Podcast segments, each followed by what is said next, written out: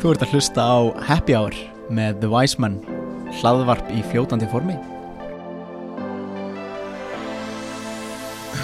Komið sæl kæru hlustendur og verið hjertalega velkomin í Happy Hour hlaðvarpið sem er í fljótandi formi.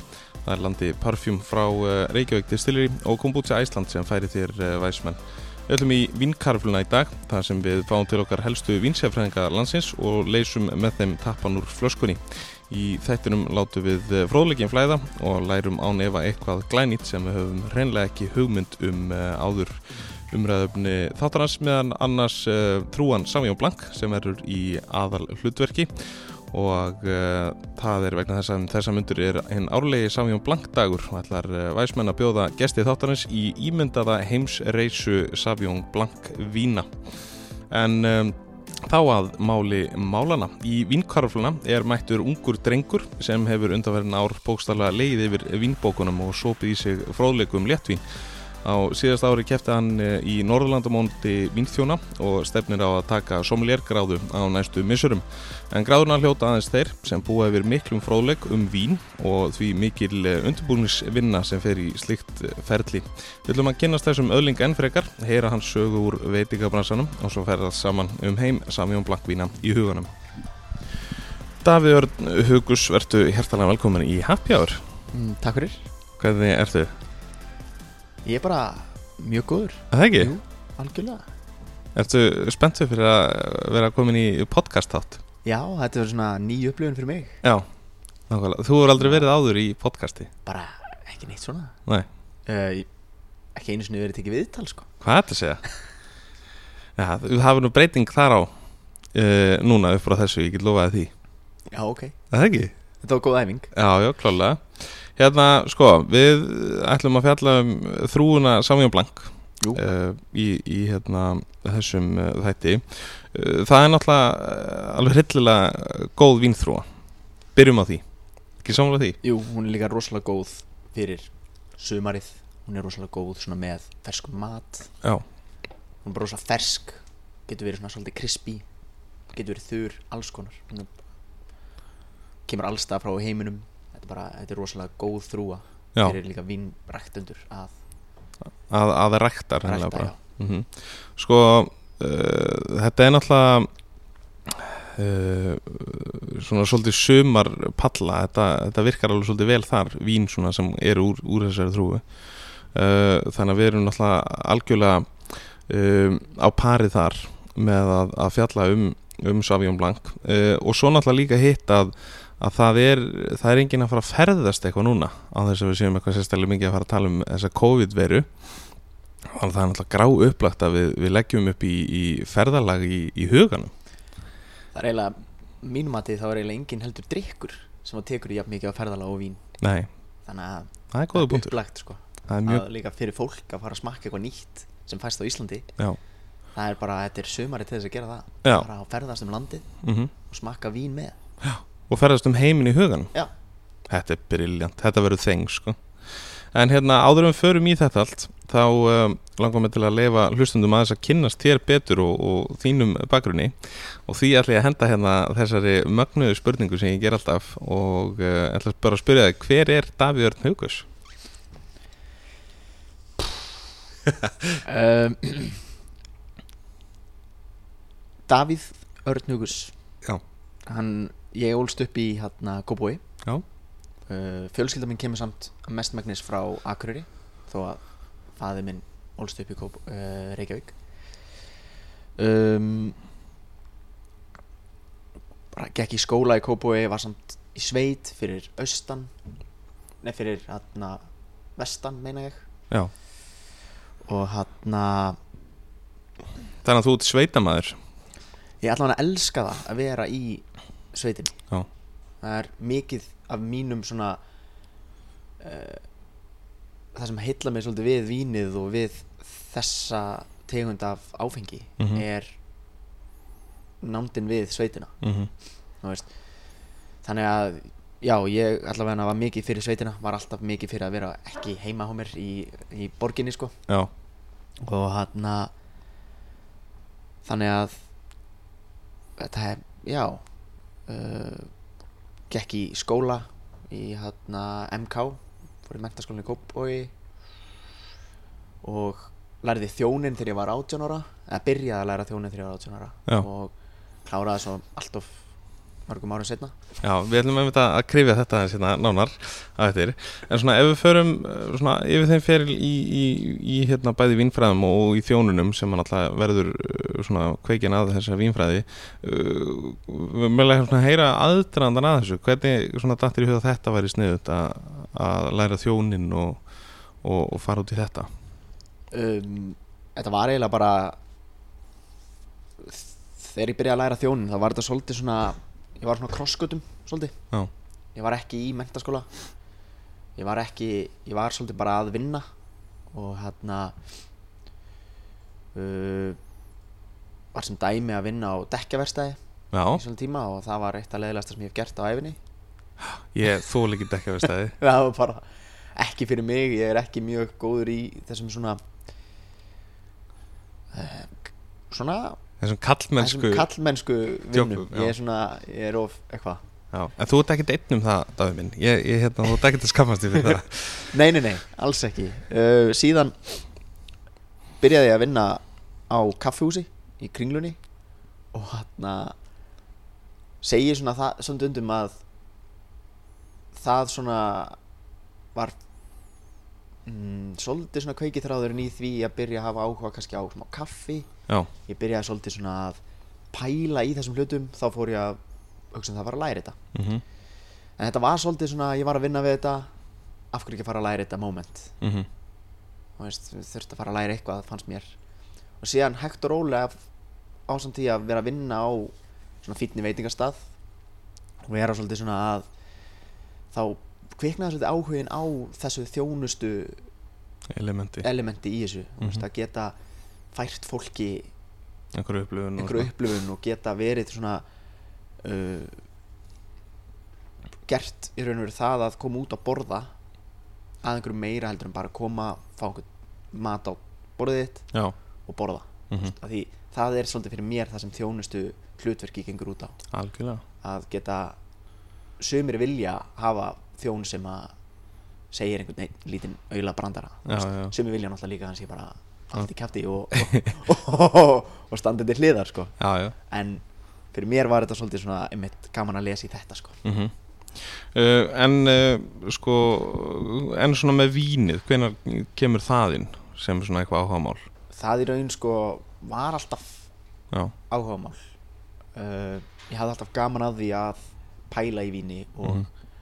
Smakka það til og vera svona eitthvað aðeins inn í þessu en það var raun og veru ekki fyrir en ég útskrifaðist úr þjónunum já, það sem að ég fattaði sko að vínheimurinn getur verið svo margt annað heldur en bara svona let's face it svona svolítið já. hann, hann þarf ekki að vera það. Nei, nei. og hann í raun er það ekki þetta er svo mikið svona einhver ímynd sem að hefur bara já, þetta er svo hérna mikið miskilningur að því að ef þú ferð á vínhérað já, þá er ekkert snobba við það. Þú veist, jú, ok, það er mjög fallegt mhm, kannski stórt hús og ef þú ferð á þessu risastóru vínhjöruð út á Töskunni á Ítalíu eða eitthvað þá eru þau kannski komni með einhverja risastóra glir glugga sko. mhm, en ef þú ferð bara á lítið hérað þar sem að bóndin er bara sjálfur að grúski í þessu og mhm. þá er þetta bara eins og að fara á bóndabæ. Já, bara út í sveit. Bara út í sveit sko. nema að við komum til að er að rækta vín en ekki rollur eða eitthvað. Já, þetta er sjármennandi sko. Já, Uh, og við ætlum nú heiklust að, að, hérna, að halda áfram á þessum um, uh, nótum. En hvað hérna uh, eitthvað svona sérstak sem heilla þú erum svolítið búin að fara yfir það það var þessi svona þjónustu faktor að, að gera kvöldið svolítið sérstakt fyrir, fyrir gestina. Já. En ef við förum bara svona yfir þinn feril þá þá hérna þá ertu, þú byrjar að vinna svona, á- fyrsta svona þjónustu starfið er, er kaffihús eða ekki? Jú, já. Hvernig, hvert ferur síðan? Og, og hvenær er þetta? uh, þetta er þegar þegar ég er 18 ára. Þannig að í kringum 2012 Já, og ég fer, ég vinn í þessu kaffihúsi í svona hálft ár. Já, og þá er mér raun og veru rettað uh, nema samning á grillmarkanum já, og ég vinn þar í alveg hátt í tvö ár. Síðan svona flosnar aðeins upp úr þessu námselementi í þessu hjá mér. Já, ég fer svolítið að flakka á milli staða og, og, og hérna og er að vinna þarna fer beint eftir grillmarkaðin á Voxið á Hilton. Já. Það var nú góðu menn komið þaðan. Já já. Og ég kláraði sko samningi minn á Voxinu. Já, svona eiginlega sko. Og var að vinna á, á bar á meðan kalda bar á meðan og var svolítið svona bara að vinna. Já, gera lítið annað. Og síðan hætti ég þegar ég búið með samningi minn hætti ég á Voxinu og ég fer eiginlega bara að vinna á kalda bar já, já. Og fer svolítið það því ég hugsa já, ég hef áhuga á barnum sko. mm þannig að ég fyrsta plani mitt var sko að verða svona koktelbarþjón Já, að því ég hef gaman að bröðunum og gaman að þið sitja saman og alls konar svona mm og hann að verð síðan mannstu tíu drópum já, ég verð síðan vakstjóri þar og þar fer ég á svona kaffinámskeið og fer að gera alls konar tengt kaffi mm og gerir þá líka einhverja koktela og er eitthvað svona aðeins að stunda mér þar. Síðan eftir ég hérna hætti þar þá fer ég að vinna með þér sem dæmi á mat og drikk já Það var góðu tímar. Mjög góðu tímar, þar var ég í ár sko. Já, og þar eiginlega sko byrjaði ég aftur að læra. Já, þá kom þessi hugmynd að klára þetta. Og fór í skólan á meðan ég var þar. Tók þrjár annir í röð. Já, já. og fór í skólan með hann þar en síðan hætti ég, hætti ég þar. Og fer á þar sem ég er núna á matakjallaran og klára að læra þar klára skólan þar og er ennþá þar og, og líður bara nokkuð vel sko. Já, þó þessi skrýtni tímar í dag. Já, það er sérst ekki tímar. En þetta tók mig þetta nám tekur þrjú ár Já, en þetta tók mig alveg sex ár. Já, þannig að þú er búin að taka þetta bara í raun og veru. það er svona eiginlega.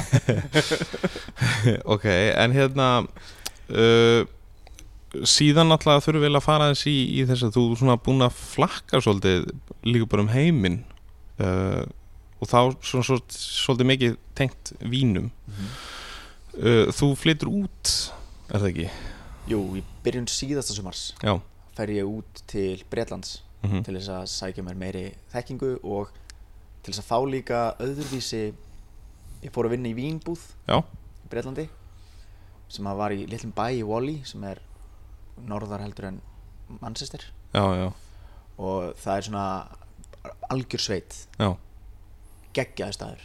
Ok og þarna, þar var ég að vinna í vínbúð þar sem ég var að selja vín bara beint til fólks sem var bara að fara með það svo heim. Já, já, og þar var bara fullt af vínum maður þurfti að þekkja þetta allt saman. Það var ógeðislega gaman já, að læra og líka þá fekk maður retail aspektið mm ekki þetta að þjóna með mat heldur bara selja flöskuna Mhm. og taka móti bara sendingu sem voru stærri heldur en bara ég get ekki eins og líst í sko, af kössum af víni sko, ok og keira í hús og svona. Og varst þá svona svolítið í, í kontakti kannski við vindbændurna sjálfa eitthvað og hlutis að já, þeir komu mikið í búðina og Já. voru svona eðst, það voru samt mest þessir uh, bresku vínbóndar. Já, já, alltaf eitt sem er langar að benda á að bresk freyðivín eru bara eru á leiðinni bara að taka yfir sko. Já, ég ætla að einmitt það var eiginlega næsta spurning Hvernig er, er bara vínframleiðsla í Bretlandi? Já, mikið freyðivín Já. og það er kampaðins framleyslan það er eðst, kampaðins aðferðin Já, já, og kampaðins þrúurnar og, ok. Og það er eh, bara ég smakkaði vínana sem voru bara virkilega góð. Já, ok. og voru bara að fara að bæta sig sko. Og það, þetta er samt eitthvað sem við hefum, það er ekki tilnænt brest freyðivin á Íslandi. Nei, er? Nei. Ég, minn, minn, ekki sem að mér dettur í hug svona fljótu bræði allavega, nei er einhvern veginn hafa, þú veist, það er nú að genum það sko, en, já, já, já, en en veginn það er svolítið, ef þú ferð á sem dæmi einhvern missilin stað í London það er eins og staðin sem ég var að vinna á svo í London eftir ég var búin að vinna í þessari búð í tvo mánuði fór ég að vinna á Dinner uh, by Heston og hérna þar var sem dæmi vín sem heitir Rathfani sem er brest freyðvin ok. Uh, mastersómilegurinn þar var sem sagt að vinna með mjög náið með þessu og þeir, þetta var bara geggja vín sko. Já, og þú varst að frá vinna Sussex í, sem sagt Bretlandi Já, og þú varst að vinna þú, eftir vínbúðun, þá ferðu hérna Dinner by Heston, það er nú ágætis staður. Já, það er allavega hana staður. Já, Það er allavega hana, já. Eitthvað, það eru missinistjörnur Það eru tvær missinistjörnur. Var þar í hérna, mánuð að vinna sem vínþjótt já, og mjög heppin og óheppin af því Ok. að ég fór þarna og var að vinna bara var að stassa. Já. Og átti í raun að vera svolítið bara svona hlaupari Mhm. og hérna kannski síðustu vikuna eða tvær vikurnar þá var ég kannski að fara að vera veist, á stillingu af mhm, sjáum þetta en ég var í raun einn dagur sem hlaup einn, einn dag sem hlaupari. Já, að því síðan var einhver aðeins mannekla og það var svolítið bara, herru þú verður eiginlega bara að steppa upp steppa upp og standa og ég gerði það eh, svona. Mun seint segja að ég hafi verið hérna, að brillir eitthvað? Maður, maður raun þetta er svo, þetta er svo fallegur heimur sko þegar maður þekkir einhver vín einhver vín á sæðlinum Já, maður svolítið bara svona treystir á það fyrstu dagana uh að maður reynir að koma þeim út kannski reynir svona, þekkti þessi. -huh. sem var svo geggjað sko öðru sem annars, eh, annars staðar sem ég hef vunnið hvað það er í Íslandi er að alltaf fyrir kerslu fyrir service þá var haldin alltaf bara fundur. Já, og þá var tekið fyrir kannski einhver vínflaska eða einhver staður og bara heyrðu, við ætlum að reyna að selja þetta núna og við eigum þetta opið og var farið bara rosalega djúft í þetta allt saman. Já, ok. Þannig að hægt og rólega þá var maður farin að þekkja bara en hann risastóra lista sem er þarna sko. Já, ok. Það var svona, alltaf svona pre- pre-shift uh, meeting Maður briefing alltaf, maður var líka alltaf stressað fyrir hann sko. Það að því það var alltaf tekið að Davíð, segðu okkur frá hérna. Og það var náttúrulega ekkert fallegt ef maður vissi ekki sko. Nei, nei, En var Heston sjálfur þarna eitthvað?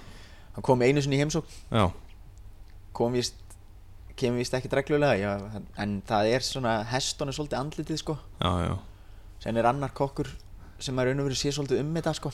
Ok. Og þarna heston er svona meira þetta svona Andlitið og, já, og svona Steve Jobs Já, já, típan sko. Og fyrir þá sem ekki vita hvað að stasa þér þá er það náttúrulega bara að, að vinna í raun bara frýtt til þess að sækja sér reynslu. Já. að fá bara í reynslu. Já, uh, Þetta er eitthvað sem við þekkjum ekki sérstaklega mikið hérna á Íslandi en þetta er gert mjög mikið úti. Uh, Hérna uh, síðan þú ert þar í, í mánuð að stasa Hva, hvað tekur svo við? þá kem ég heim til Íslands í viku. Og fer svo til Svíþjóðar og tek þáttan í Norðurlandamóti mínþjóna Já, já, og planið var svolítið að fara aftur út.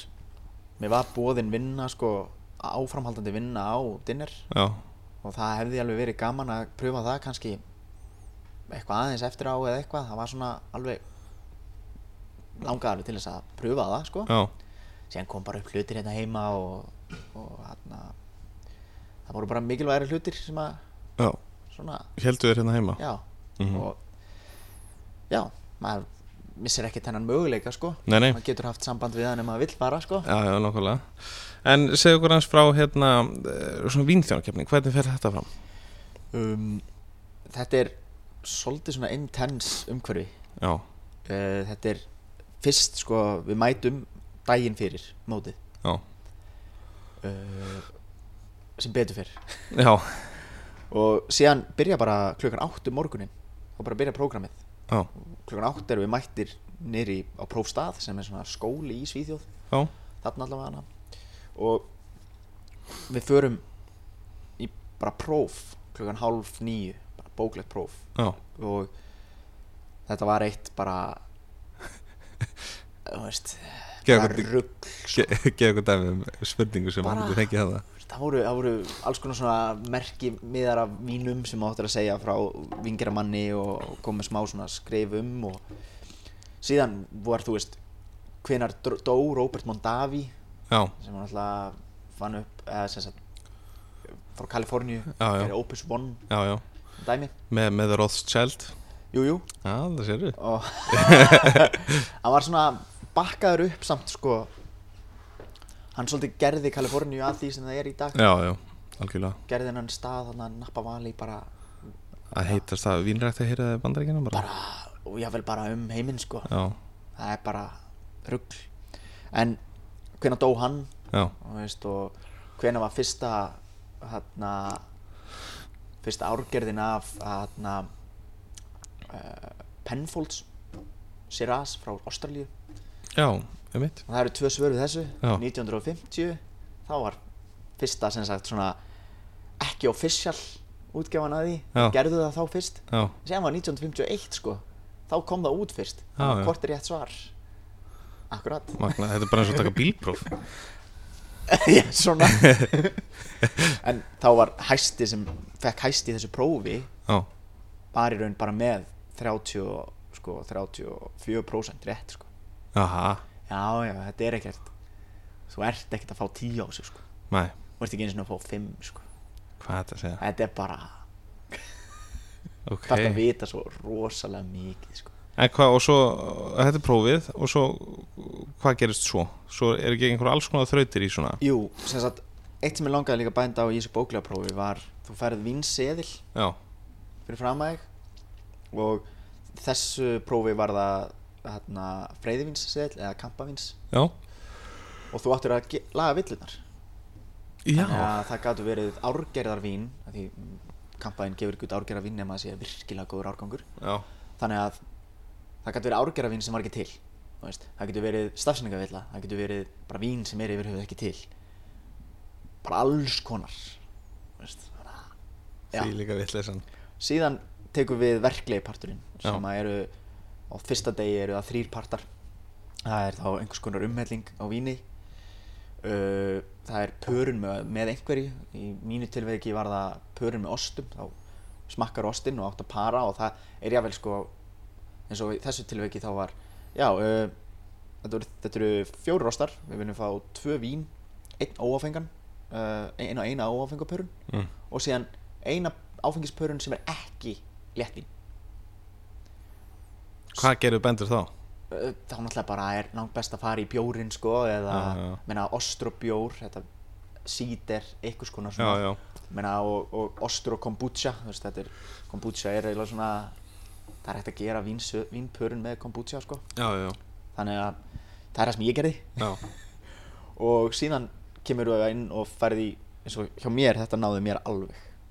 Bara fór alveg með mig í eitthvað rugl. Það var pörun með matseðil og svona já, herðu, þú mátt nota uh, þú mátt, að, mátt bara nota rauðar þrúr í þessi pörun ok og þarna náttúrulega kemur inn þessi svona lærdómur sko, hvar eru rauðar þrúr mm og maður verður að muna að það er náttúrulega freyðivín sko. Já, Kampavín. Kampavín, það eru rauðvinstrúur í kampavínu meirilutin og það eru til Blanc de Noir sem er bara rauðvinstrúur þannig að þú verður að nota þau líka sko. þú mátt Mhm. ekki nota veist, Blanc de Blanc eða bara venjulegt kampavín mm mhm. því þar er Chardonnay sko. já, já. Þannig að þar kemur inn sko, þessi svona Tókstu það bara sjammar á línuna eða? nei, nei, nei, ég fór nú í líka rauðvinnið sko. En þannig að það var þetta rugglar í manni sko. Já, já, Ég náði ágætu á fyrsta degi sko Já. en því meður komst ég ekki upp úr honum en ég meina að vissuleiti líka bara svolítið þakkláttu fyrir það sko. Já. Fá að sjá þetta, mm fá að taka þátt. Þetta var svona þín fyrsta vínþjónakefni bara mín alfyrsta. Já. Hafði aldrei tekið þátt í vínþjónakefni aður hefði bara tekið þarna prófið og, mm og sem var svona kimlíkt en, en ekki á það sama svona ekki alveg sama standard sko. Nei. Og þú fórst náttúrulega út með, með uh, góðum mönnum. Jújú, jú, með honum Tolla og hérna og Sveini Já, Garðarsinni sem var að vinna með okkur á, á, á Mat og drykk. drykk. Hann stóð sér bara með príði líka. Já, virkilega. Og hann báðir mjög svona þakklátið fyrir þetta sko. Þetta er náttúrulega gefur uh, gott veganest í, í, í reynslubankan sko. Gefa manni líka svolítið svona ímyndi hvað manni langar að gera sko. Já, já, maður læri náttúrulega ekkert eðlilega mikið á svona sko. Nei, og það sem ég fattaði svolítið eftir að taka þátt í þessu móti sko var bara í raun hvað heillaði mig meira við vínþjóna bransan sko. Já, það er eiginlega þessi svona casual. Mhm, þú veist, ég hef gaman að því að segja fólki frá því að það líkt eins og hei Mhm. vínið og vera svona svolítið casual, ég er ekki alveg kannski kannski ég er ekki alveg þarna sko Nei. að fara í þetta sko uh, rosalega fína partin af þessum keppnum sko, Nei, að þú, þú, þú lítur á því svona, svona meira sem svona casual vínþjón kannski. Já, ég líti á mig meira svona mér langar að fara að vinna á vín hér að því mér langar að fara í þessa svona sveita elementið af víni. Mhm. Af því það er það er nóga fólki að gera hitt sko. Já, já. Algjörlega og svo er þetta náttúrulega kannski líka svolítið bara að færast með í svona meira casual dæmi. Já, Vínbransin hefur verið voðalega svona Já, ég meina við getum alveg lift okkur að segja pínu snobbaður sko og óaðgengilegur. Já, fólki líður eins og það þurfi að vita eitthvað um e, vín já, til þess að geta notið sín vín. En það er það er bara rugl sko. Já, Ég sammála því. Hvernig finnst þér hérna eins og ef við horfum á bara úrvali hérna af vínum á Íslandi er það, finnst þér það gott að með við það? það er eiginlega svona, það er að bætast. Já, með aukni, au, aukinni samkeppni í náttúruvínum og þess áttar Já. er kannski komin aðeins meiri svona keppni í það að koma með uh, betri vínin inn á markaðin og það hafa alltaf verið tilturlega góð vín hérna mhm, svona miða við en það þá alltaf fjölbreytnina. Já, þannig að Ítalía og, og Spán eru risastóra, risar á Íslandi sko. mhm, og það byrst flesti þekkja en ég meina alltaf Frakland líka já. má ekki gleyma því en má ekki gleyma heldur líka þessum nýja heimi sko. Já, já, þú ert svolítið sökkar fyrir nýja heiminum. Já, Það er bara líka út af því að ég hef svolítið gaman af ég hef smakkað nú alveg slatta víni sko. Og þegar maður er að smakka franskt vín þá er það svona það geggja gott Já, og ógislega dýrt. Já, þannig að það er svo gaman að finna eitthvað frá nýja heiminum sem kostar kannski 20 skall móti flösku sem kostar 5 skall. Já, já, eitthvað, eitthvað franskt vín sko. og vera bara, heyrðu, þetta er bara eiginlega bara á pari sko. já, já, svona, já. Þetta fyndi hvernig trendin einhvern veginn setja uh, vermiðan svolítið oft já, uh, þau einhvern veginn svona uh, hvað að segja þú veist, uh, ég meina hér erum við náttúrulega algjöru sökkarar voðalega mikið nota sökkarar uh, hér erum við miklar aðdáðundur af, af bæði Spáni og Ítali og auð, auðvitað náttúrulega Fraklandi uh, og, og, og fólk leggst svona svolítið á þær sortir svolítið, náttúrulega líka svolítið sagan á bakvið spænsk vín og Ísland. Menna, við hefum bara mikla sögu bara spátn og Ísland. Mm fiskurinn, lambið, allt þetta dót. algjörlega. Og það er alveg góð ástæða fyrir því að, að spænsk vín uh, passa vel með oft íslensku mat. Mm er út af því að það er talað um þessa klassík uh, vínið passar með því sem vex í kringum það sko, eða er alið í kringum það. -hmm. og þar kemur náttúrulega bara inn þessi íslenski fiskur og íslenska lambið sko. já, já, svo sem ekki kannski mikið fiskurinn en, en lambið. Já, já, og það er náttúrulega segir sér svolítið sjálft. Og menna, allir elska Ítalíu. Já, já, það er bara þannig. Já. og ítalsk vín getur verið rosalega sexy. Alveg klálega um, og það hefur verið náttúrulega bara svolítið auðvelt líka að koma þessum vínum inn á markaðin út af því að það er hægt að að uh, í raun og veru selja þau sem eins og frönsk vín, það er hægt að selja þetta sem bara náttúrulega aðallin veist, Mhm. þetta er, allir vita að Frakland er vínþjóð. Já, já, og ásamt því líka allir vita að Ítali er vínþjóð. Þannig Já. að auðvelt svolítið að selja það sko. Já, já, algjörlega. Uh, Við ætlum að hérna uh, fara næst í svolítið skemmtilegan lið sem að ég er ekki einu svona búin að segja þér frá. Uh, Þetta er liður Davíð þar sem að við ætlum í raun og veru svolítið svona að kafa í þinn visku brunn Ó nei Þetta er sagt fullt af spurningum sem þú svarar nokkuð hnýtt með og ef við dettum með nokkuð áhugar þá, þá hérna, eh, erum við ekkert að fara að stoppa þenni af sko. Ok, uh, Ertu tilbúin í þetta? ég veit ekki Það En ekki? Þetta er ekkert eitthvað þetta er ekkert eitthvað svona fræðslu dæmi, ég er ekkert að fara þetta er ekki vínþjónapróf Ok, hérna, hú- ég er ekki með ma- hérna vínsel sem þú þarft að Nei, nei, nei, að hérna laga henni eitt svo leið sko. En hérna uh, þetta er bara mjög, mjög svona næst bara svona til þess að hans að brjóta þetta upp. Uh, vindum okkur bara í þetta. Já. Herðu, það var bara fyrsta spurning. Hvaða þess að glasa hvaða víni verður til í akkurat á þessari stundu? Ég væri til í akkurat núna annarkvort eitthvað ferst hvítvín já, eins og Sauvignon Blanc. Já, eða Riesling. Já. eða og þá er ég að tala um þurran Riesling. Mhm. Uh, eða ég er rosalega sökkar fyrir líka Gammai mm, sem er þrúa í Burgundi. Já, það er svona svolítið og ferst rauðvín Mhm. nýtt brýtur svolítið upp. Já, það er svona það sem ég myndi vilja akkurat núna. Já. sólin úti, til eitthvað ferst ég er til í þetta. Herðu, ok, uh, við byrjum á hvítvinni og í engri sérstakri röð uh, þrjár uppáls vínþrúur já, herðu mm, ég myndi segja Sauvignon Blanc. Já, Sauvignon Blanc podcastið og Já, það er nákvæmlega. klálega mjög góð þrúa mm síðan Riesling. Hvað þá þur Riesling já, eitthvað svona alsas eða eitthvað þannig já, ég myndi segja eitthvað svo leiðist Já. þur Riesling frá Alsace eða þi, bara Þískalandi Já, bara ekki svona Eh, sætur. nei, en hann við fengið svolítið slæmt orð á sig fyrir að vera sætur. Já, mitt en hann er geðveikur þegar hann er þur Já, uh, síðan Chardonnay. Ég er frekar hlindur já, mjög mikill aðdáðandi að bandariskum Chardonnay hvað þá frá Oregon. Já, eikaður eða? já, hann er, hann er eikaður sko. Já. og hann hann það er minn uppáhaldsvingjara maður og sommelier í heiminum bara er, er Rajat Parr. Mm -hmm. og hann gerir biluð vín frá Oregon. Geðvægt það er mikið.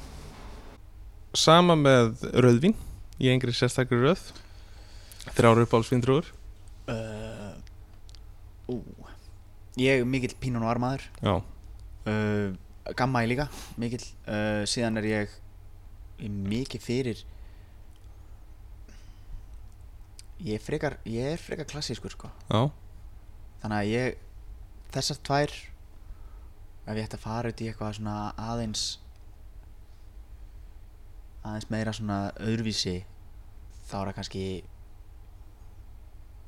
nei, ég ætla bara að halda mig með Malbekkin sko. Já, Malbekin ah. Já, eh, Nebbiolo reyndar svona þegar ég hugsa út í það. Ok. Nebbiolo er með svo mikinn er ítölsk vínþrúa mm og hún er með svo mikinn karakter þú veist, hún er tanninrík Mhm. ógeðslega tanninrík og stundur líður manni eins og maður sé að drekka eitthvað geðveikt tungt vín Já, en síðan þegar maður er búinn að leifa því að opnast og leifa því að sitja á, á, á, á sillunni eða hvernig sem það er já, þá kemur fram þessi bara ber þessi ferski bara berja geimur með tanninni þannig að já. jú ég ætla að segja nebbiólu Nebbiolo En sko, þú nefndir hérna og hendir enda rúnd Malbekinum Mm. uh, Hvað hérna Hvar myndur þú segja Hvað myndur þú vilja hafa hann rekta?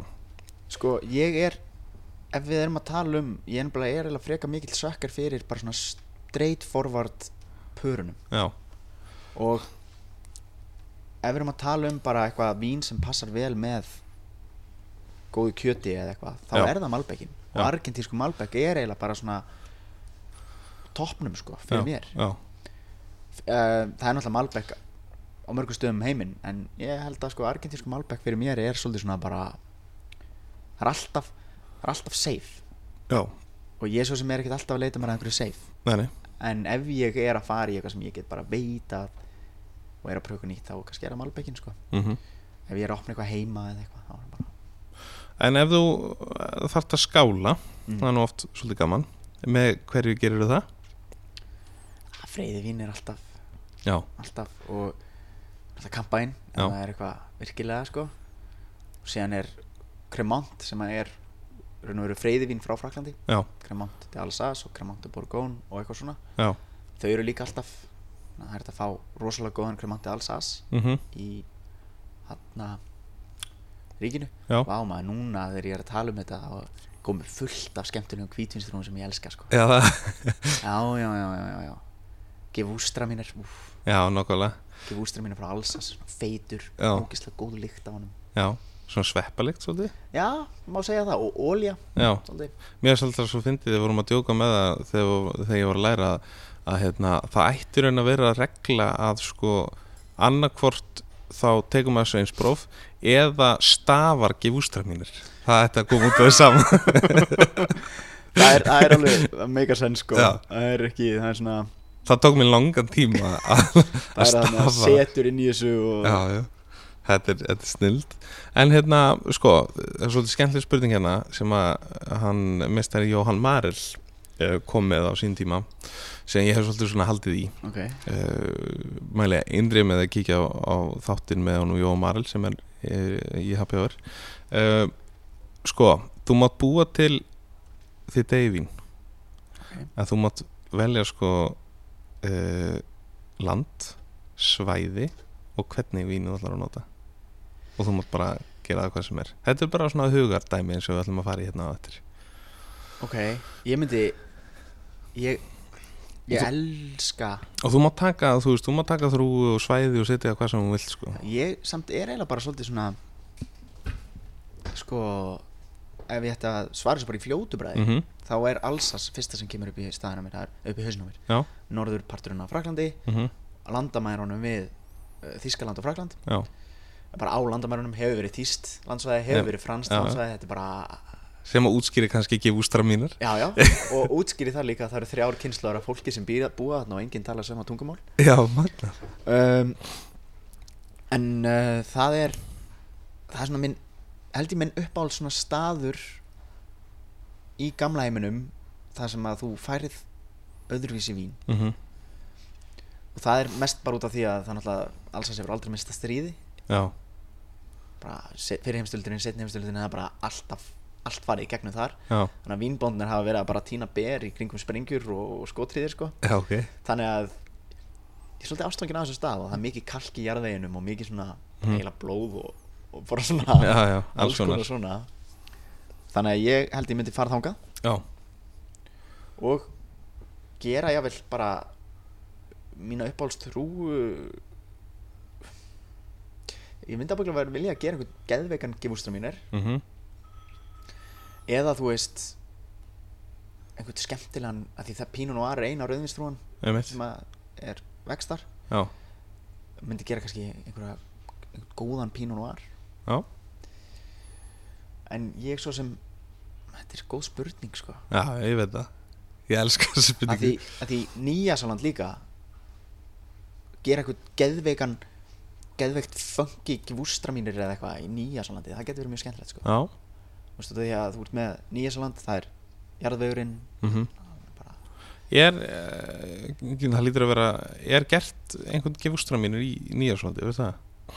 uh, það er ekki sem mikið sem ég hef heyrt af sko. Nei, uh, það er gert í ekki það að sé eitthvað líkt það er gert í Chile. Já, já. Ekki það að sé eitthvað líkt sko en það er svona kannski svona nýja heims dæmi sko. Já, gert líka eitthvað í Ástralíu það er minnir. Ok, þannig að ég veit það ekki. Nei. Nei, ég held að sé ekki mikið í nýja svondi nei. Nákvæmlega, herðu uh, síðast spurningin, uh, gamli heimurinn eða nýji heimurinn? nýja heimurinn. Það er málið. Já, ef ég þyrfti að ég ætla að taka þessari spurningu sem ef ég þyrfti að drekka eitthvað frá öðru kóru og mætti ekki drekka frá hinnu allt mitt líf Já, þá myndi ég velja nýja heiminn. Ok, Þú veist, með, þú ert með bandaringin inn í. Já, þú veist, með fullt af dóti sem er að ennþá að vaksa ennþá að gerast. Gamli heimurinn er svolítið svona established eins og við kasta þessu fram. Já, þannig að, já, ég myndi segja heimurinn. Herðu, snilt. Uh, Þetta var svolítið skemmtilegt. Það ekki? Jú, mjög. Já, Davíð, nú uh, ætlum við næst að fara í um, the actual vínberja pressuna. Og þetta er pressa, sko. Og í þessum lið sem að líka má sjá inn á Instagram síðu Væsmenn þá er hægt að uh, að hérna, fylgjast með þér uh, fara í gegnum þessar þrautir. Þetta er svona annarkort eða spurningar. Ertu tilbúin í þetta? uh, Já, Heldur það? ég hef ekki hugmynd hvað ég er að fara út í hérna. Nei, ok, þetta eru svona nokkrar, nokkrar hérna, spurningar og, og þú, þú veist, ég nefnir þessar tvo möguleika uh -huh. og þú velur annarkort Ok, Ok, þá ætlum við að byrja í kvítvinni ok. Uh, Chardonnay eða Sauvignon Blanc? Sóvinja Blank Ok, grunni vellnir eða þér mér Viura eða Sylvaner uh, Víúra Pinot Gris eða Alsace Riesling?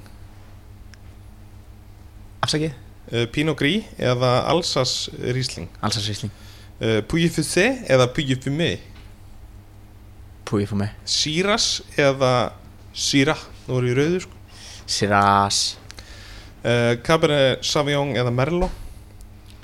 Cabernet Sauvignon. Gangið vel með þess að hérna. Malbec eða Pinot Noir? Pinot Noir. Bordeaux eða Burgund? Burgund. Rioja eða Toscana? Toskana uh, Það var svona öðruvísi vín. Uh, Vermút eða Bitter. Uh, Bitter. Hvítvín eða rauðvín.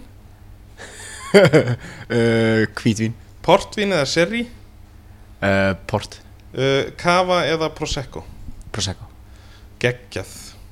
Herðu, uh, þetta gekk bara mjög vel hjá þér. Skál fyrir þér. Takk fyrir. Herðu, já, var þetta ekki svolítið skemmtilega spurningar?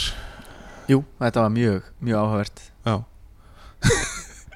Það er virkilega sko. Já, það er gaman að, að put people on spot. Áhugavert líka hvað maður segir þegar maður svona Er undir pressu? er undir pressu sko. Heldur betur.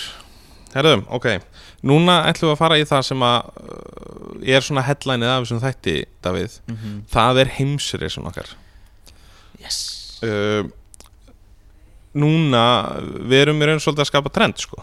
Já, að því að það er enginn að fara að ferðast neitt en það eru náttúrulega öll flugfélög á haustnum bara og, og einhvern veginn bara allt í ruggli en uh, eins og Æslandir segir uh, hugurinn uh, ber þig aðeins hálfa leið. Þú veist ég er ekkert sammála því því ma maður getur alveg farið alla leið sko. Og ég ætla bara að staðfesta það þá hér og nú. að Já, hygglust og ég ætla bara að staðfesta það hér og nú að, að, að þetta er bara vittlisa, þú getur alveg farið alla leið bara í huganum sko.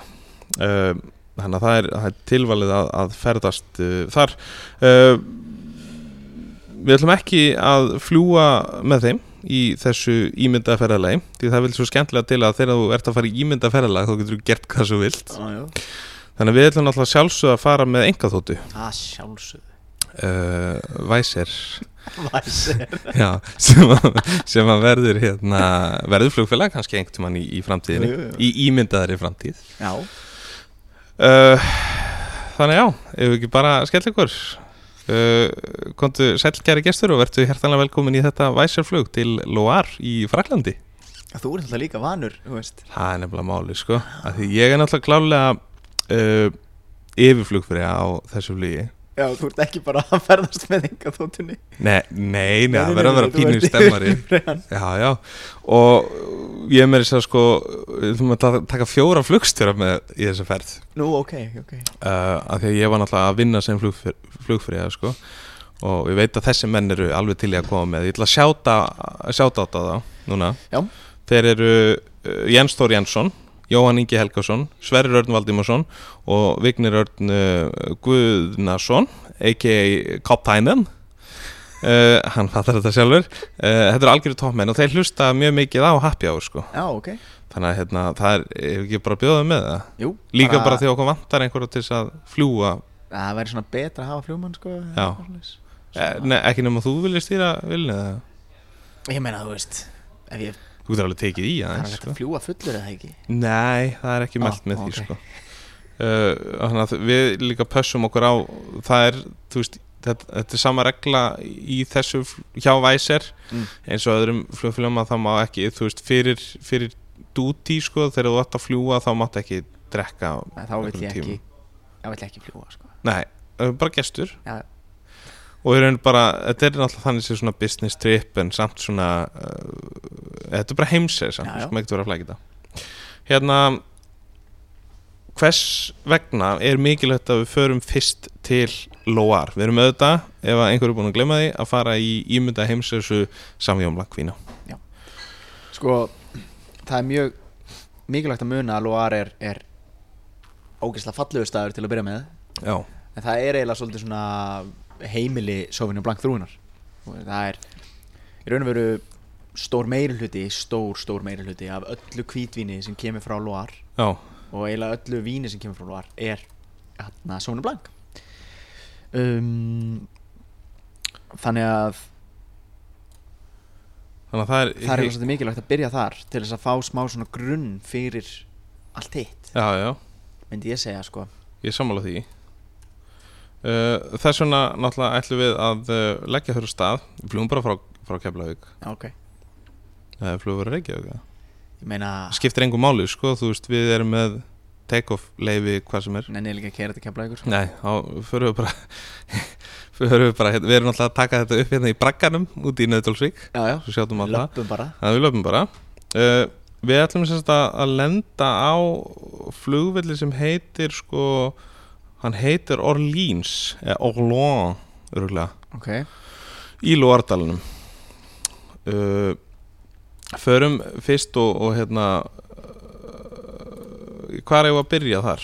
sko, að því við erum að fara í svona heimsessu Mm -hmm. þá er náttúrulega gaman að fara út um allt en ég meina að við þurfum að hafa þetta smá það Mm og ég ég býstu því að því við erum í höstum okkur við höfum bara inngöngu leifi í öll vín héruð eða ekki? Jú, bara hvers sem hún vill sko. Þá förum við náttúrulega bara á tvo helstu staðin í Loire. Já, Púfumei já, og Sanser já. Hvað er við að byrja? Við erum að fara með limo sko í, byrjum á Sanser já. Þar ertu með vín sem eru bara eh, að bjóða upp á mikið svona gras í lyktinni og gras í bragðinu og fersk, krispi vín. Mhm. sama með Púfumei en þar ertu komið kannski aðeins meiri svona aðeins meiri smjör og þetta er svona það sem maður fylgir svolítið alls konar eignótkun og alls konar svoleiðis. Mm þannig að ég myndi byrja á Sanser það ertu kannski aðeins ferskari kant- kantinum sko. Já. Byrjum á því, af hverju í óskupunum hefur Sanser uh, skapað sér svona mikið nafn á Íslandi? Bara sem, sem hér að bara vín þaðan, það er gott það er mest sko nú er ég ekki alveg viss af hverju. Uh, það er held ég bara mest út af aðgengi. Já, já.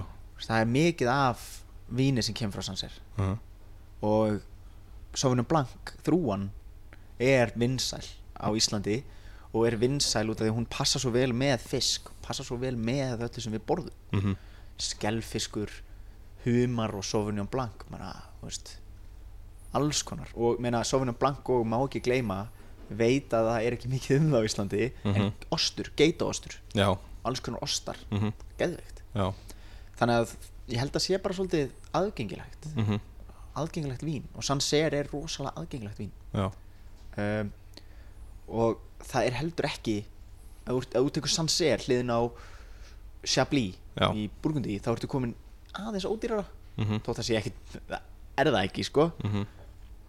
þú ert komin kannski í aðeins ódýrara og aðeins aðgengilega já, já því Chardonnay er náða til að vera svolítið svona svolítið svona crispy og, og. Er, er svona quirky og, og kannski svona fyrir þá sem það ekki vita þá, þú veist, Sanser er náttúrulega bara í raun og veru hreppurinn Já. þannig séð það, er, eru margir svona sem að halda kannski að Chablis sé, eða Chablis sé hérna sé, og. Sanser sé, sé hérna séu þrúur en þetta eru náttúrulega bara svæðisheiti í Já. raun og veru, eða reppaheiti. Það er hægt að ganga út frá því að ef þú ert að kaupa Sanser já, þá er það Sauvignon Blanc. Já, það er ekki neitt annað. Nei, alveg eins með ef þú ert að kaupa Chablis Já. þá er það Chardonnay. Já, uh, þetta er staður innan Loire alveg eins og Fumé já. er Sauvignon Blanc. Já.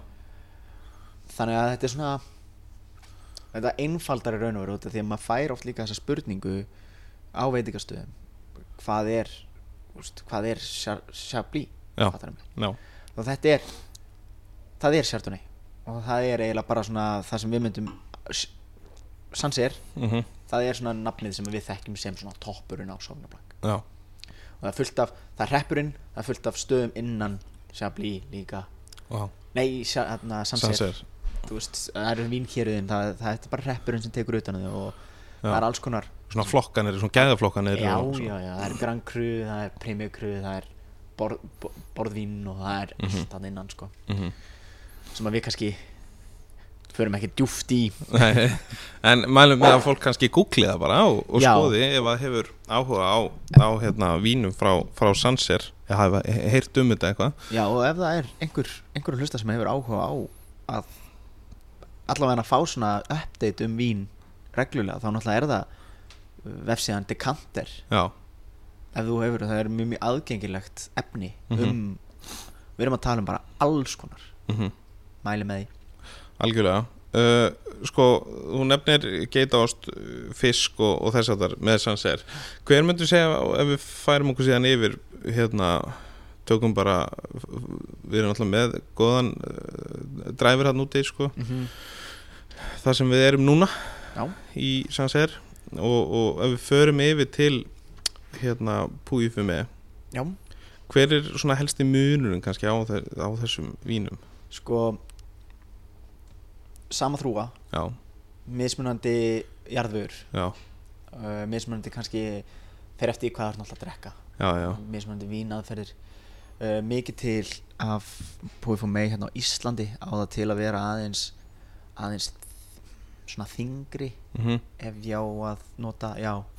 Svona, Svona- veiga meiri svolítið. Já og á það til að vera svolítið svona kannski tökum sem dæmi bara þetta er kruin mm ef einhver þekkir hann. Hann er Púi fór mei -hmm. hann er eiginlega bara svolítið smjöraður svona olíukendur. Mm. það er veist, alls konar eignotuð og það er alls konar svona þannig að það er svona aðeins veiga me- meira kannski. Já. En í kjarnamálsins þá er þetta náttúrulega sama þrúa mm en það er einmitt bara þessi munur sko. Jarðvegurinn er aðeins meira röff aðeins meira svona kalkríkari og alls konar. Mm svo er alltaf með vín hann sem heitir uh, Attitude. Mm -hmm. uh, hann í Loar já. Uh, það er náttúrulega svolítið Attitude í því. Það náttúrulega er sko það má segja að það sé svolítið attitút í því. Það er svona það sem við köllum mm, svona svolítið grunnvín. Já, og það getur verið gaman að smakka þessi vín. Af því að þau oft sína myndina af þessum flottari vínum eða mm þessum stærri vínum. Já, og það er smá attitút. Menna það er crispy, það er rosalega svona uh, hvað má segja svona ferst já, því það er ekki notað, það er bara þrúan Já, veist, já. það er ekki notað neitt til þess að breytinni eða neitt, það er bara svona hérna er þetta sko. Og það má segja að fyrir mér að mitt leiti að það er skemmtilegt að smakka þessi grunnvín oft frá alls konar svona stórum héruðum já, og þessum stóru stöðum. Bara svona til þess að aðgengilegt það kostar eitthvað hvað 2500 krónur eða eitthvað í, í, í ríkinu. Og það er frekar solid sko. Mm myndi mæla með. Uh, sko, hvernig er uh, tölum um aðferðir sem eru notar. Þú veist, menn eru að setja þetta á eik og eitthvað svona leis hvernig er til dæmis eins og bara með uh, púi fumi mm. og, og, og eik og þess að þar sko ef ég fara út í af hverjum eikin er notuð já, eða eitthvað svoleiðis það er oft uh, það er eiginlega bara fyrir eftir vínbonda mm -hmm. vill hann, vill hann bæta við þessum brögðum í vill hann nota þetta sem uh, öndunar aðferð uh, vill hann elda vínin í þessu út af því að þetta er náttúrulega ákveðin aðferð við að elda vínin sko. Eða, ekki elda þau heldur að þau eldist. Já, já. Og hérna ég myndi segja sko það er eiginlega bara rosalega persónubundið en það sem að eikin gerir oft er einmitt bætir við þessum svona sæta keim sem þú finnur oft í vínum. Já, og Eh. gerir þá líka oft margar þrúur aðgengilegri fyrir svona þennan alþjóðlega markað sko. Um, en um, og, og mildir vín Uh, það eru margir sem nota þau sem dæmi ef að berin eru uh, tekin snemma á árinu eða og þau eru svona óþroskuð já, og eiga til að vera svolítið súr þau eru oft notuð, eiginni notuð til þess að milda þessi vín. Koma móts við súrleikan og koma með sætuna. Þú veist eins og bara við erum að tala um þungröðvín er oft sett á eig mildur aðeins, gerir aðeins aðgengilega aðeins fyrr? Uh, sko þetta er náttúrulega sko, eins og með mat og, og svoleiðis. Er einhver svona munur á þú veist því sem maður borða með, með hérna, vínum frá Pujufimi og, og Sanser til dæmis það fer þá bara í raun eftir víni. Bara hvað þú ert að drekka hverju sinni. Uh, bara þannig með eiginlega allt. Mhm. uh, það er fer í raun og veru með því sama en það fer þá eftir því þú veist eins og bara sem dæmi með attitúdunum myndur þú fara í ferskari mat. Mm myndur þú fara kannski í þú veist fisk með léttri sósu. Já, mögulega kannski með kannski smá síndrus eða eitthvað. Og svona ekki kannski já með, já, og síðan ertu kannski með uh, þá kannski aðeins púlufum megin og ef þú ert með eins og eitthvað annað vín þar Já, sem er þá kannski eikað eða stingra þá ertu með kannski aðeins smjör mhm, í fisknum eða jafnvel lauk, hvítlauk, humar mhm. hvítlaugsmjöri þú veist. með þetta sem það þarf aðeins að skera í gegnum einhverja fytu Mhm. eða eitthvað þess áttar það á til að vera sítrusin sko og nei, hérna síran í vínunum Já, en meina Sauvignon Blanc þrúan er svolítið svona góð í þessu sko já Sanserin er, er, er æðislegur í Emmett Díaz svona, Humar og eitthvað svona já dæmi. og vinn í gegnum og þú ert með þegar þú ert komið með aðeins síru meiri vín Mhm. finnur munnvatni sapnast fyrr saman þegar þú smakkar það Mhm. Þá ertu kannski komið með eitthvað sem að sker vel í gegnum hollandisósu eða Já, já, já, já, eitthvað svona sem er smjör mikið sko. Og þá þú ert komið með smjörið í vínið eins og með púið fyrir mei oft og eitthvað svona já. þá ertu kannski komið með eh, eitthvað sem er kannski ekki alveg jafn mikið smjör en er kannski aðeins þingra mm, þú veist prótinið og aðal réttunni aðeins þingri kannski. Já, já En sko, er einhver nú er það svo voða mikið einhvern veginn haldið því fram að, að hérna hvítvin á bara að vera með, með hérna fisk og rauðvin með, með hérna kjöti og sliðis ræður ráða þessi vín við þú veist kjötrétti líka? Hundur segja? Algjörlega, menna þetta er eina af þessum svona mítum Já, sem að held ég allir vín eitthvað áhuga menn er að reyna að brjóta niður sko. Já, nákvæmlega. Af því að fyrst og fremst þá vill ég bara ítreka það ef þið finnst vín gott, Já, drektu það. Já. Alveg sama með hverju það er. Hver er, bara ef þú finnur eitthvað sem þið finnst gott fáðu þér það. Og ekki vera hrættur um það.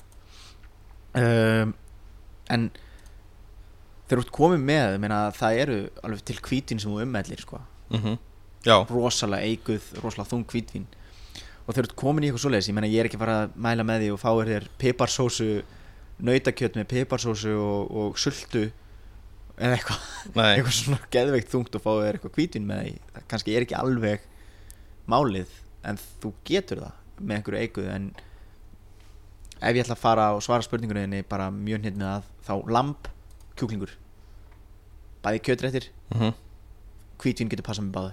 Já, svona léttara kjöt ekkert mál að para hvítvin með því. Mm gæs þú ert með, það líka alltaf eftir meðlæti þú veist, þú ert með gæs sem að er með geitost, -hmm. segir þessi sjálf þú getur sett sofinu blank með því. Já, já. Þú getur það, Já. og það passar. Og það geitosturinn er yfirgnæfandi gæsin er svolítið léttara, þú veist en það getur verið svolítið svona vilt bræða gæsinni, mm af hverju ekki? Þannig að, Hygglust að pröfa það. Já, hygglust Og sérstaklega líka bara því að nú erum við náttúrulega að taka upp að sömri til og, og það er sem betur fyrir samleitt veður úti og hlutis þá einhvern veginn leita fólk svolítið mikið bara í, í hvítvín fyrir eitthvað rauðvín sko. þú sér þetta líka svo vel á Íslandi. Já, sér þetta rosalega vel á Íslandi. Og þegar það er hávetur og það er myrkur allan liðlangan daginn þá er rauðvinnið meira svona það kalla mér á hendina sko. sko, Já, sen þegar það kemur sumar þá er rósavín eða hvítvín algjörlega málið sko. Já, ég er mikill rósavíns maður á sumurinn elska gott rósavín já rósavinn er, er, er geggjað sko. já bara. Uh, Ef við uh, sem okkur skiljið við uh, Lóar Mhm. dælin uh, náttúrulega kveðjum hann með, með söknuði. Þetta er, Þetta er snildar, snildar vín sem koma Drauma hérna staður færum okkur niður til hérna til uh, Bordeaux, eða Mhm. Bordeaux. Bordeaux, góða staður. Það er svolítið svolítið áhugaverð uh, Sauvignon Blanc framleysla þar. Meiri hlutin af framleiðslunni í Bordeaux er rauðvín. Já, Það var samt kannski fáir sem vita en, en fyrir 1995 Já. var eiginlega 50% af framleiðslunni þar hvítin já, það Já, og það er svolítið svona rákunni hluti sem breyttu því sko. Mm. en hvítvínin frá því þeim stað er oft mjög svona aðgengileg. Mm. þau eru mjög ég er að nota aðgengileg rosa mikið. Já, ég fíla það. Um, þau eru rosalega þau eru ekki gerð til þess að geima oft. Já, og þau eru sem er, er svolítið fyndið því að rauðvinn eru klálega gerð til þess að ah, bara klálega sko. Uh, þú ert ekki að fara að drekka Bordeaux rauðvín innan 5 ára og, og drekka beintu flöskunni sko. Ekki einu sinni innan 10 ára sko.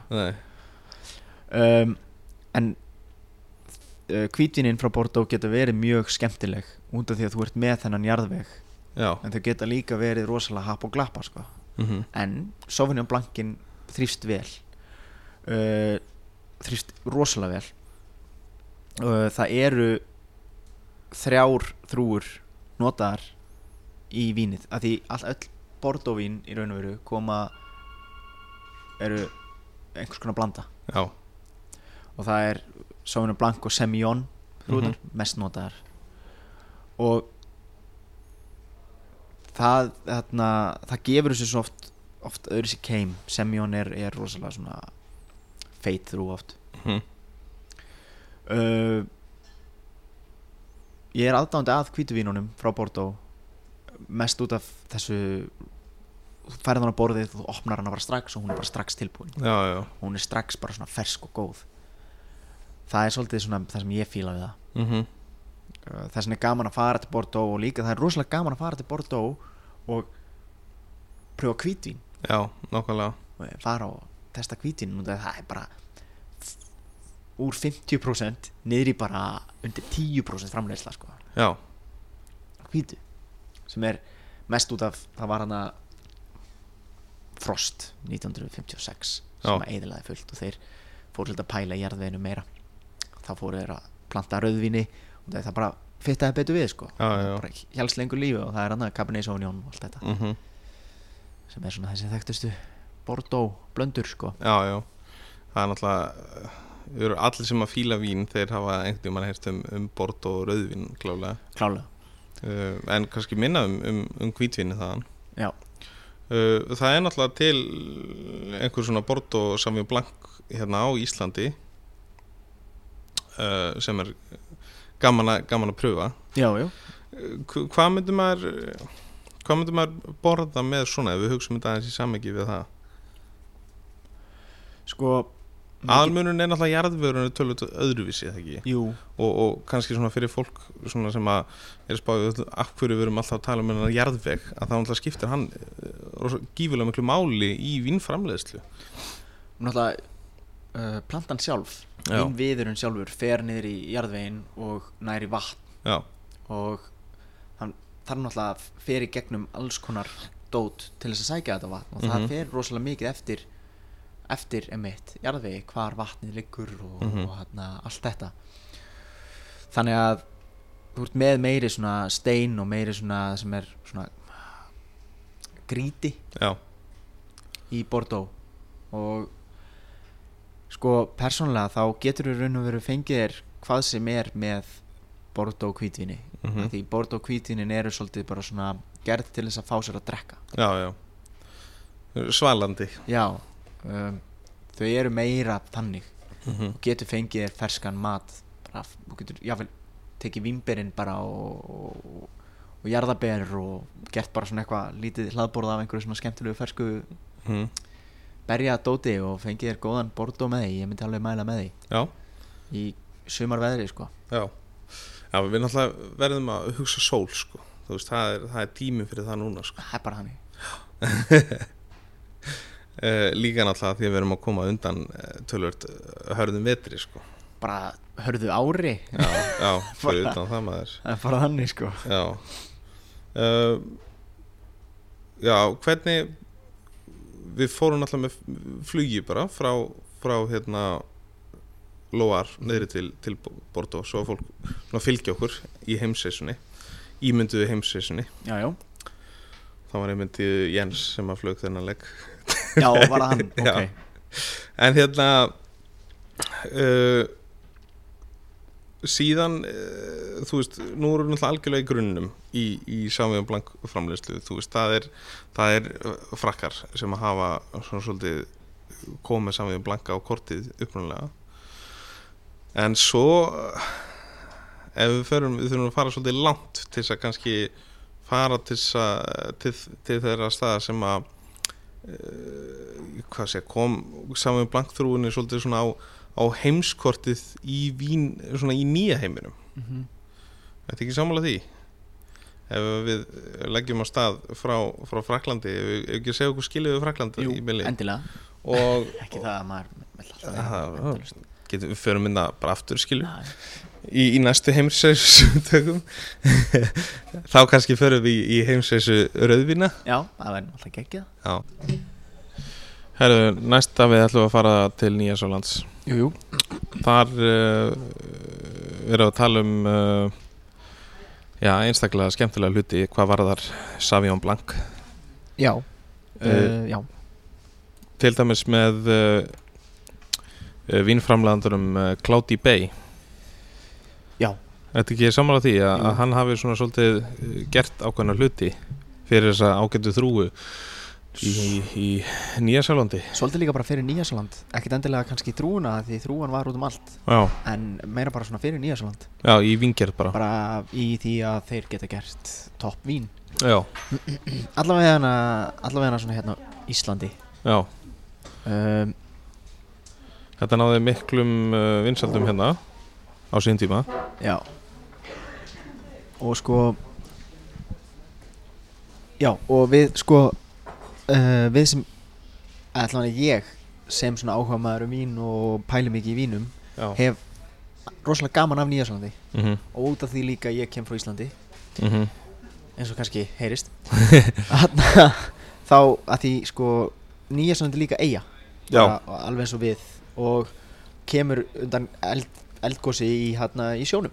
Mhm, þannig að ef þú ert að pæla í jarðvegi þá eru við ekkert eitthvað það ólík Nýjasalandi næ, þannig að það er mikil sko svolítið skemmtilegt sko að pæli vínum út frá því séð líka.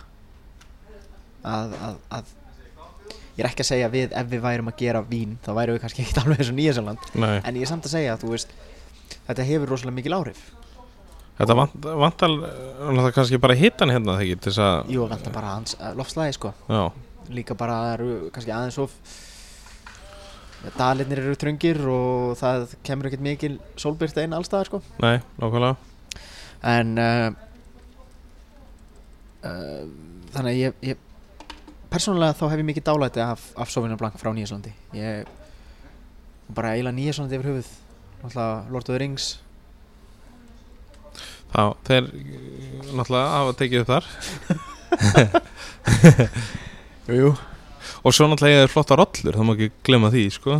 Bara nummið tvö í heiminum Ja. eftir Íslandi. Já, og hérna já, þetta er einstaklega góða rollur. Uh, já, það er líka gaman að spjalla það sko. Uh, Já, það er vita að setja hvað um vín. Já, já, nei, en, en, en svona frá öllu, öllu tjóki séð þá er hérna mæli eindri með því að, að pröfa líka fleiri Sauvignon Blanca og bara fleiri vín yfir höfuð frá Nýjaslandi þeir gera æðislegan Pinot Noir bara svona léttar þrúur eins og Sauvignon Blanc, Pinot Noir, allt þetta dót. Þetta, þetta vex rosalega vel í Nýjaslandi já, þannig að ég mæli eindri með að aðtóða það fremur ef að fólk er eitthvað að hugsa út í þetta. Og svo náttúrulega uh, þá erum við náttúrulega að tala um aðal vínsvæði þeirra er Marlboro. Já, nákvæmlega. Þá ekki síkaretnunar, nei, þær hafa ekkit uh, hérna, uh, þetta er ekkit skilt, sko. Nei, nei, nei en, en, en, allan ekki svo ég viti ég er svo sem ég ekki. Nei, ég, ég veit ekki til þess að það sé eitthvað en allavega Mal Ma, Ég held að Malboro síkaretna sé ekki ræktar nei, nei, nei, nei, nei, nei, nei Nei, í alls ekki. Marlboro. Ég, eh, Ma Marlboro, þetta er, gott svæði og mikið þarna hitin á sumrin fer ekkert mikið yfir 30 Já, en það er mikil þoka, mikið raki. Þetta hefur bara, þetta er rosalega fest og gott sko. Já. Hvernig, hérna, hva- hvað myndur segja að væri svona aðmunurinn á nýja sjálfanskum uh, Samjón Blank og, og, og þessum sem við vorum að tala um hér áðan í, í, í Sancerre og, og Loire dalnum? Sko stærsti munurinn myndi ég segja Já, að Sauvignon Blanc frá Nýjasjálandi er ef eitthvað er ferskari. Já, uh, þá er ég að tala um sko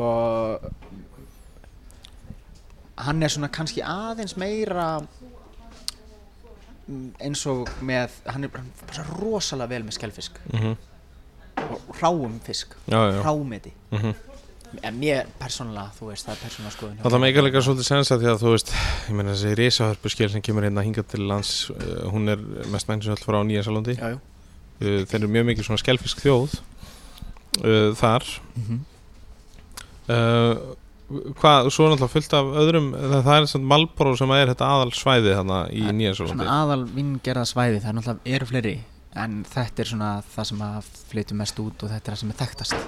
Já, þekktustu vínin eru, eru Malborg sko. sko ég held ég sé að staðfesta hérna að sko að Malboro Sigurður hafa ekkit að gera. Ég var að googla þetta hérna. Þannig að það, það er allavega uh, staðfest. Já, það er staðfest sko. Ok, En það er til dæmis samt sem á til Marlboro Airport sem er einhver staðar í Massachusetts í bandaríkanum ah, Það ok. getur verið eitthvað tengt sko. Já. En allavega, við erum ekki í Sígarettum sígarettur. þaðan Hérna, við erum uh, í Nýjarsólandi uh, En kannski var sá sem fann þær upp Mikill aðdáðandi að Malborg Kanski reyktan Marlboro. Nei, uh, já. Ég veit ekki Þetta kom út í algjörsböll Já, já, uh, Hérna Ég held að við uh, Við hérna höldum bara áfram í Já. þessari ágætu heimsreisu. Uh, eitt sem ég langar líka að benda á með Nýjasaland er að þetta er náttúrulega eiga Já, þannig að sjórin hefur mikil áhrif á andrúrslofti já, og, og, og bara allt. Þannig að það er salt í loftinu og það er þetta er, er præm aðstæður fyrir vín að verða svona eins og ég segi svona ferst svona svolítið ef við myndum orða þetta bara svona svolítið crispy svolítið svona eins og sérst að drekka eitthvað svona sem poppar svolítið. Mhm. Og þetta eru sko samtals 26.850 hektarar. Já.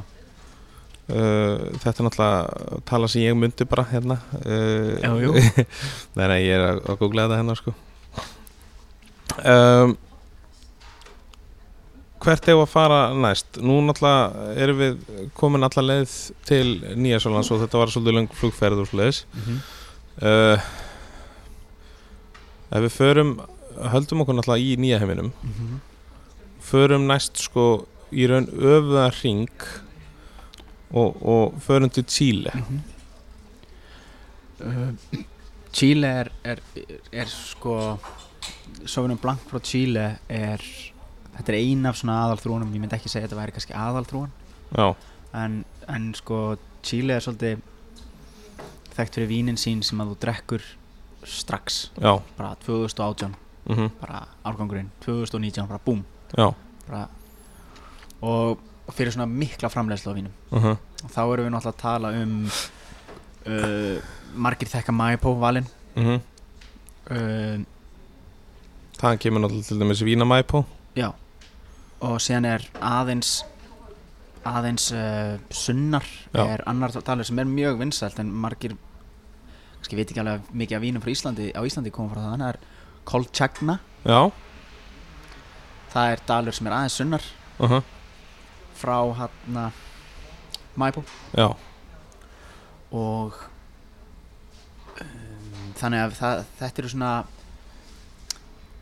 það er eiginlega mikið af vínframlistinu fer fram í kringum Santiago sem er sem sagt að höfuborg Chile. Chile.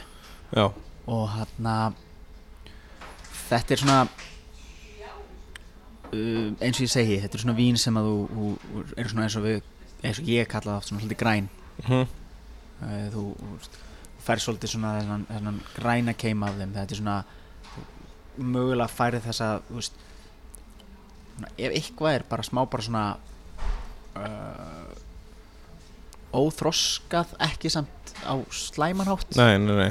Heldur svona fær svona virkilega ferskan ávöxt svona, mhm, svona eiginlega það sem hann er veist svona smá svona sírukendur, mikil Mhm. síra mhm. svona Og það er kannski svolítið veðufarið eitthvað sem að hefur með þetta að gera. Það er náttúrulega er mjög heitt. Og þeir, þeir tína oft berin frekar snemma af því annars eðileggjast þau. Já. Og hérna þannig að þú ert með þú veist uh, já. Þetta nút maður? Já, þú veist, ert með hérna uh, þannig að þeir tínaði frekar óþroskuð og eru þá gera þau aðeins, þú veist, og síðan er líka mikið um vélframlegslu í Chile. Það er mikið af vélum sem að fara á vínagrunnar og tína og, og þetta er svona aðeins meira svona, við þum að orða það svona svolítið fjöldaframleitt sko. Já, já, Chile, það er svona það sem er hefur gefið þeim svolítið slæmt orðspor sko. Já. Gegnum tíðina. Það er svona þessi velarenni partur svolítið. Já og þessi svona mikla framleiðsla. Já, flatlendi og svona eitthvað. En, en það er gaman að segja frá því að sko þeir eru náttúrulega bara við Kyrrahafið. Já. þetta er bara svona ógeðslega þunn lína. Mm Chile. Og eiginlega allt er við strönd. Já, þannig að þú ert með sjóin beint í berin sko. mhm, eiginlega alltaf. Leikum við. Nákvæmlega. Herru, síðan ætlum við að uh, ferast, uh, fara til uh, Suður Afríku Jó. Það er hér sem þú Ja, ja, land, þannig sé, sem að þú hérna, heldur svolítið upp á. Ég er mikill aðdándan að þarna Suður Afríku Já, uh, mest út af því að þar er verið að gera sko geðveik náttúruvín. Mhm, og þar er líka verið að gera þú veist, eiginlega allt vín sem að vex og kemur frá Suður Afríku kemur frá Cape svæðinu já, og hérna mjög góð vín sem að seljast á Íslandi eru frá hérna um, eru frá Parl vestur Cape svæðinu mhm, uh, svona coastal vín. Já, og þeir, þeir, þeir eru að gera svona þeir eru ekki með þessar gífulega stífu reglugerðir sem að fylgja oft gamla heiminum. Nei, þeir eru með aðeins meira svona þessi þeir eru að gera bara það sem þeir langar að gera. Já, þetta nákvæmlega. er rockstjörnur svona. Þeir eru með Chenin Blanc og Sauvignon Blanc eru bara, bara aðal þrúurnar mörgu leiti sko. Ásamt þú veist Pinotage sem að margir kannski þekk ekki. Nei, nei, nei. síðan er eitt vín sem að selst á Íslandi hérna sem er mjög vinsælt er Canon Cup það er Cabernet Sauvignon frá uh, Söður-Afríku Já, já, þetta er, ég alveg sko, ég get eiginlega ekki mælt með því ef að fólk vil pröfa eitthvað nýtt og pröfa eitthvað öðru sig og fara í nýjar aðstæður þá er það bara Söður-Afríka og Sauvignon Blancinni frá þeim er eh, finnur ódýrari vín sem eru bara á myrkilega góðum standard mér sko. Er þetta líkara myndur þú segja Nýjasólandi heldur en Chile? ég myndi segja að þetta væri svolítið sinn eigin bátur sko en ef eitthvað er þá kannski já. Já, Uh, þetta, er, þetta er þetta er svona mjög skemmtileg vín framleyslan þeir eru að gera svona þeir eru svolítið bændur en þá sko. Já, ekki jafn mikið velrænt kannski eða? jú jú, bæði og. Mhm. en þetta er samt þeir, þú veist, ef þú ert að virkilega pæla í þessu þá ertu að kaupa þér vín sem er ekki velrænt frá Söður Afríku sko. já, já. Nákvæmlega. Svona. En hvað eins og með mat og svona með, með þessu? Ég myndi persónulega sko, ef þú ert að fara í Söður Afrískan Sauvignon Blanc þá myndi ég fara í kannski jáfnvel feitari fisk sko. Já, veist, mest bara út af ég veit ekki af hverju einu sinni sko. Ég, bara, ég smakkaði bara grillaða bleikju með geðvökum söðurafriskum Sauvignon Blanc þegar ég var hérna úti og Nei, ég veit það ekki, þú veist, ég allavega er mikið fyrir bleikan, uh, bleikan fisk og, og að sjálfsögðu þetta klassíska sko, mhm, sem að fer vel með Sauvignon ostur og, og þetta allt saman. Já, en ef eitthvað öðru sig, mhm, þú farið í svona feitari fisk, jável kjúkling. Já. Sko ef við gerum aðeins upp þessa þrúi Samuel Blanc, að þá, þú veist þetta fer svolítið vel með sérstaklega eins og skelfisk. Bara svona overall, þú veist svona flest Samuel Blanc vín og skelfiskur gengur alveg svolítið vel, eða ekki? E, jú, það er eiginlega bara svolítið svona regla. Já, og getur verið frekar leiðileg regla. Já, en ég meina það er samt, þú veist. Það er einhver byrjun það allavega er alltaf að geggju byrjun ef þið er að pæla í þessu heima okkur bara uh -huh, geggjað sko. uh -huh. Uh, Við ætlum að halda heimaleið Já. uh, Þetta er nú svona síga á, á, á lokin. Hvernig hérna uh, hvað, e eitthvað meira sem þú vilt sko eitt sem að ég Nefna. kannski vil nefna sem við nefndum ekkert, komum ekkert mikið inn á er hann með Bordeaux-svæði í já, Fraklandi já Það má náttúrulega ekki gleyma Sauternes sætvíns framlýstunni í Bordeaux. Mhm, Það er Sauvignon Blanc líka. Já, og svolítið Sauvignon Blanc Mecca mhm, Sauvignon Blanc og Semillon. Og ég, langar svolítið til þess að ítrekka það að sætvín já, getur verið með mörgu. Já, já og sætvín getur verið fordrykkur þarf ekki að vera eftirréttadrykkur Nei, nei, nei, og sætvín er, Sauternes sætvínin klassíkin, bara þú finnur ekki meiri klassík. Nei og bara ég vil virkilega benda á það Og þar er ma að- maður ætla klálega að fá Savian Blanc í tölvöld öðruvísi formi þá er en náttúrulega berin tínd bara þegar þau eru sko byrjað að migla Já, svo kallað nobelrottið sko. Já, já, og þau eru bara byrjuð að verða veist það er bara allur sigurinn er eftir en lítið að vökva. Já, þannig að þau eru krist og kemur pingu lítið að vökva. Já, en hann er sætur bara eins og hunung. Og með, það er svo skemmtilegt. Mér finnst það svo rosa skemmtileg pæling sko. Sammála því Hvað hérna, myndur þú segja, hvað er svona á döfinni hjá þér uh, núna? uh, bara halda áfram. Uh, halda áfram að læra Mm uh, halda áfram að vinna. Svona smá pása mér í því að taka þátt í einhvernum keppnum Já, þetta árið.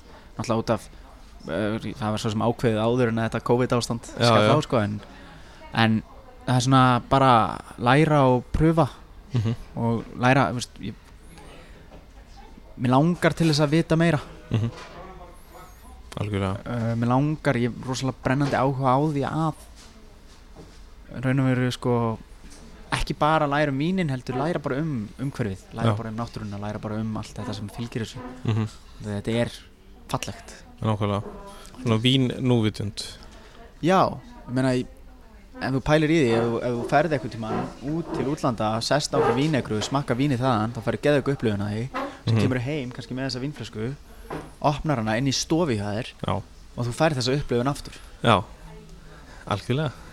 Það er ekki að Eh, Ég upplifa ekki mikið að svona með alls konar svona öðrum áfengum vökva sko. Nei, ég sammála því.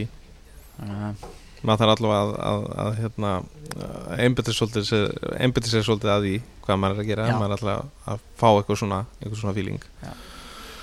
uh, hvar hérna svona rétt í lókin, hvar uh, mælur með því að fólk sækir sér uh, svona fróðleik fyrir utan alltaf væsmann.is en uh, eins og, ég- sagði áðan það er mjög sniðut að kíkja á Decanter síðuna. Já. þeir eru oft með mjög mikið af skemmtilegum svona fróðleik. Uh -huh. um, síðan er náttúrulega uh, þú, það er eiginlega líka bara svolítið mjög mikilvægt í þessu já, að velja þér einhvern einn miðil og fylgja honum svolítið út eða það fara allir út um allt. Uh þetta er svo stór heimur sko. Já, já, þannig að það er, veist, það er alls konar svona vín.síður mæli með, ég mæli eindrið með því bara líka svolítið að googla þetta og, finna út úr þessu sjálfur og líka að þú dettur inn á eitthvað sem að þið finnst gott ég meina, appið við Vino já, já, ég meina, ég er meira að með það bara til þess að setja upp bara til þess að svona bara setja upp svona smá bókasafn sko, já, já, af myndum já, og geta þá glukkað í það. Ég, veist, þetta er kannski ekki alltaf mest svona akkurat fróðleikurinn. Nei, nei. En getur farið inn á þetta, tekið mynda þessari flösku sem úr með og bara séð, hei, þetta á að passa vel með þessu. Já, já, það er oftast svolítið rétt. Okkarlega alveg lang oftast. Sammála því. Herðu, Davíð, uh, takk kella fyrir að koma í, í Happy Hour og í þessa uh, ímyndu heimsessu Er þetta ekki bara einn svona skemmtilegasta heimsessa sem þú hefur farið í bara? e, Jú, þetta er líka eina af þeim fáu held ég bara eina heimsreisan sem ég farið í. Já, ég er bara sammálaður. En við skulum heiklust uh, gera þetta aftur. Endilega. Uh, taka eitthvað svona sérstakt uh, fyrir eins og við gerum núna með Samfjón Blank Mælum endrið með pröfið að uh, pröfið ykkur áfram í, í Samfjón Blank vínum þetta er einstaklega mögnu þrúa endilega. Og hann bara, já, Davíð, virkilega skemmtilegt Davíð Örn Hugus uh, takk hella fyrir komuna í Happy Hour. Takk fyrir mig, takk fyrir að hafa mig. Það er það, kæru hlustendur uh, Magnaður drengur, hann uh, Davíð Örn og virkilega gaman að tala við hann um vín. Nú, eins og ég sagði hann, þá má lesa meira um þennan þátt inn á heimasíðinu væsmenn.is sem og alltaf helsta og nýjasta sem gerist í drikjar heiminum endilega fylgiði Væsmenn á Instagram og Facebook og ekki glema að uh, andekur í Facebook-grúpuna Happy Hour með uh, Væsmenn svo að bera nefna YouTube-brásuna þar sem byrtist uh, reglulega vídeo í seríunni Væsmenn að tóm þar sem Væsmenn kennir koktelagerð þátturum verður ekki lengri að sinni. Munið orð Væsmenn drekkum ekki til að gleyma sínum sjálfum okkur og öðrum virðingu og drekkum frekar til að njóta. Þökkum ykkur kærlega fyrir að hlusta og uh, þanga til næst. Væsmenn hot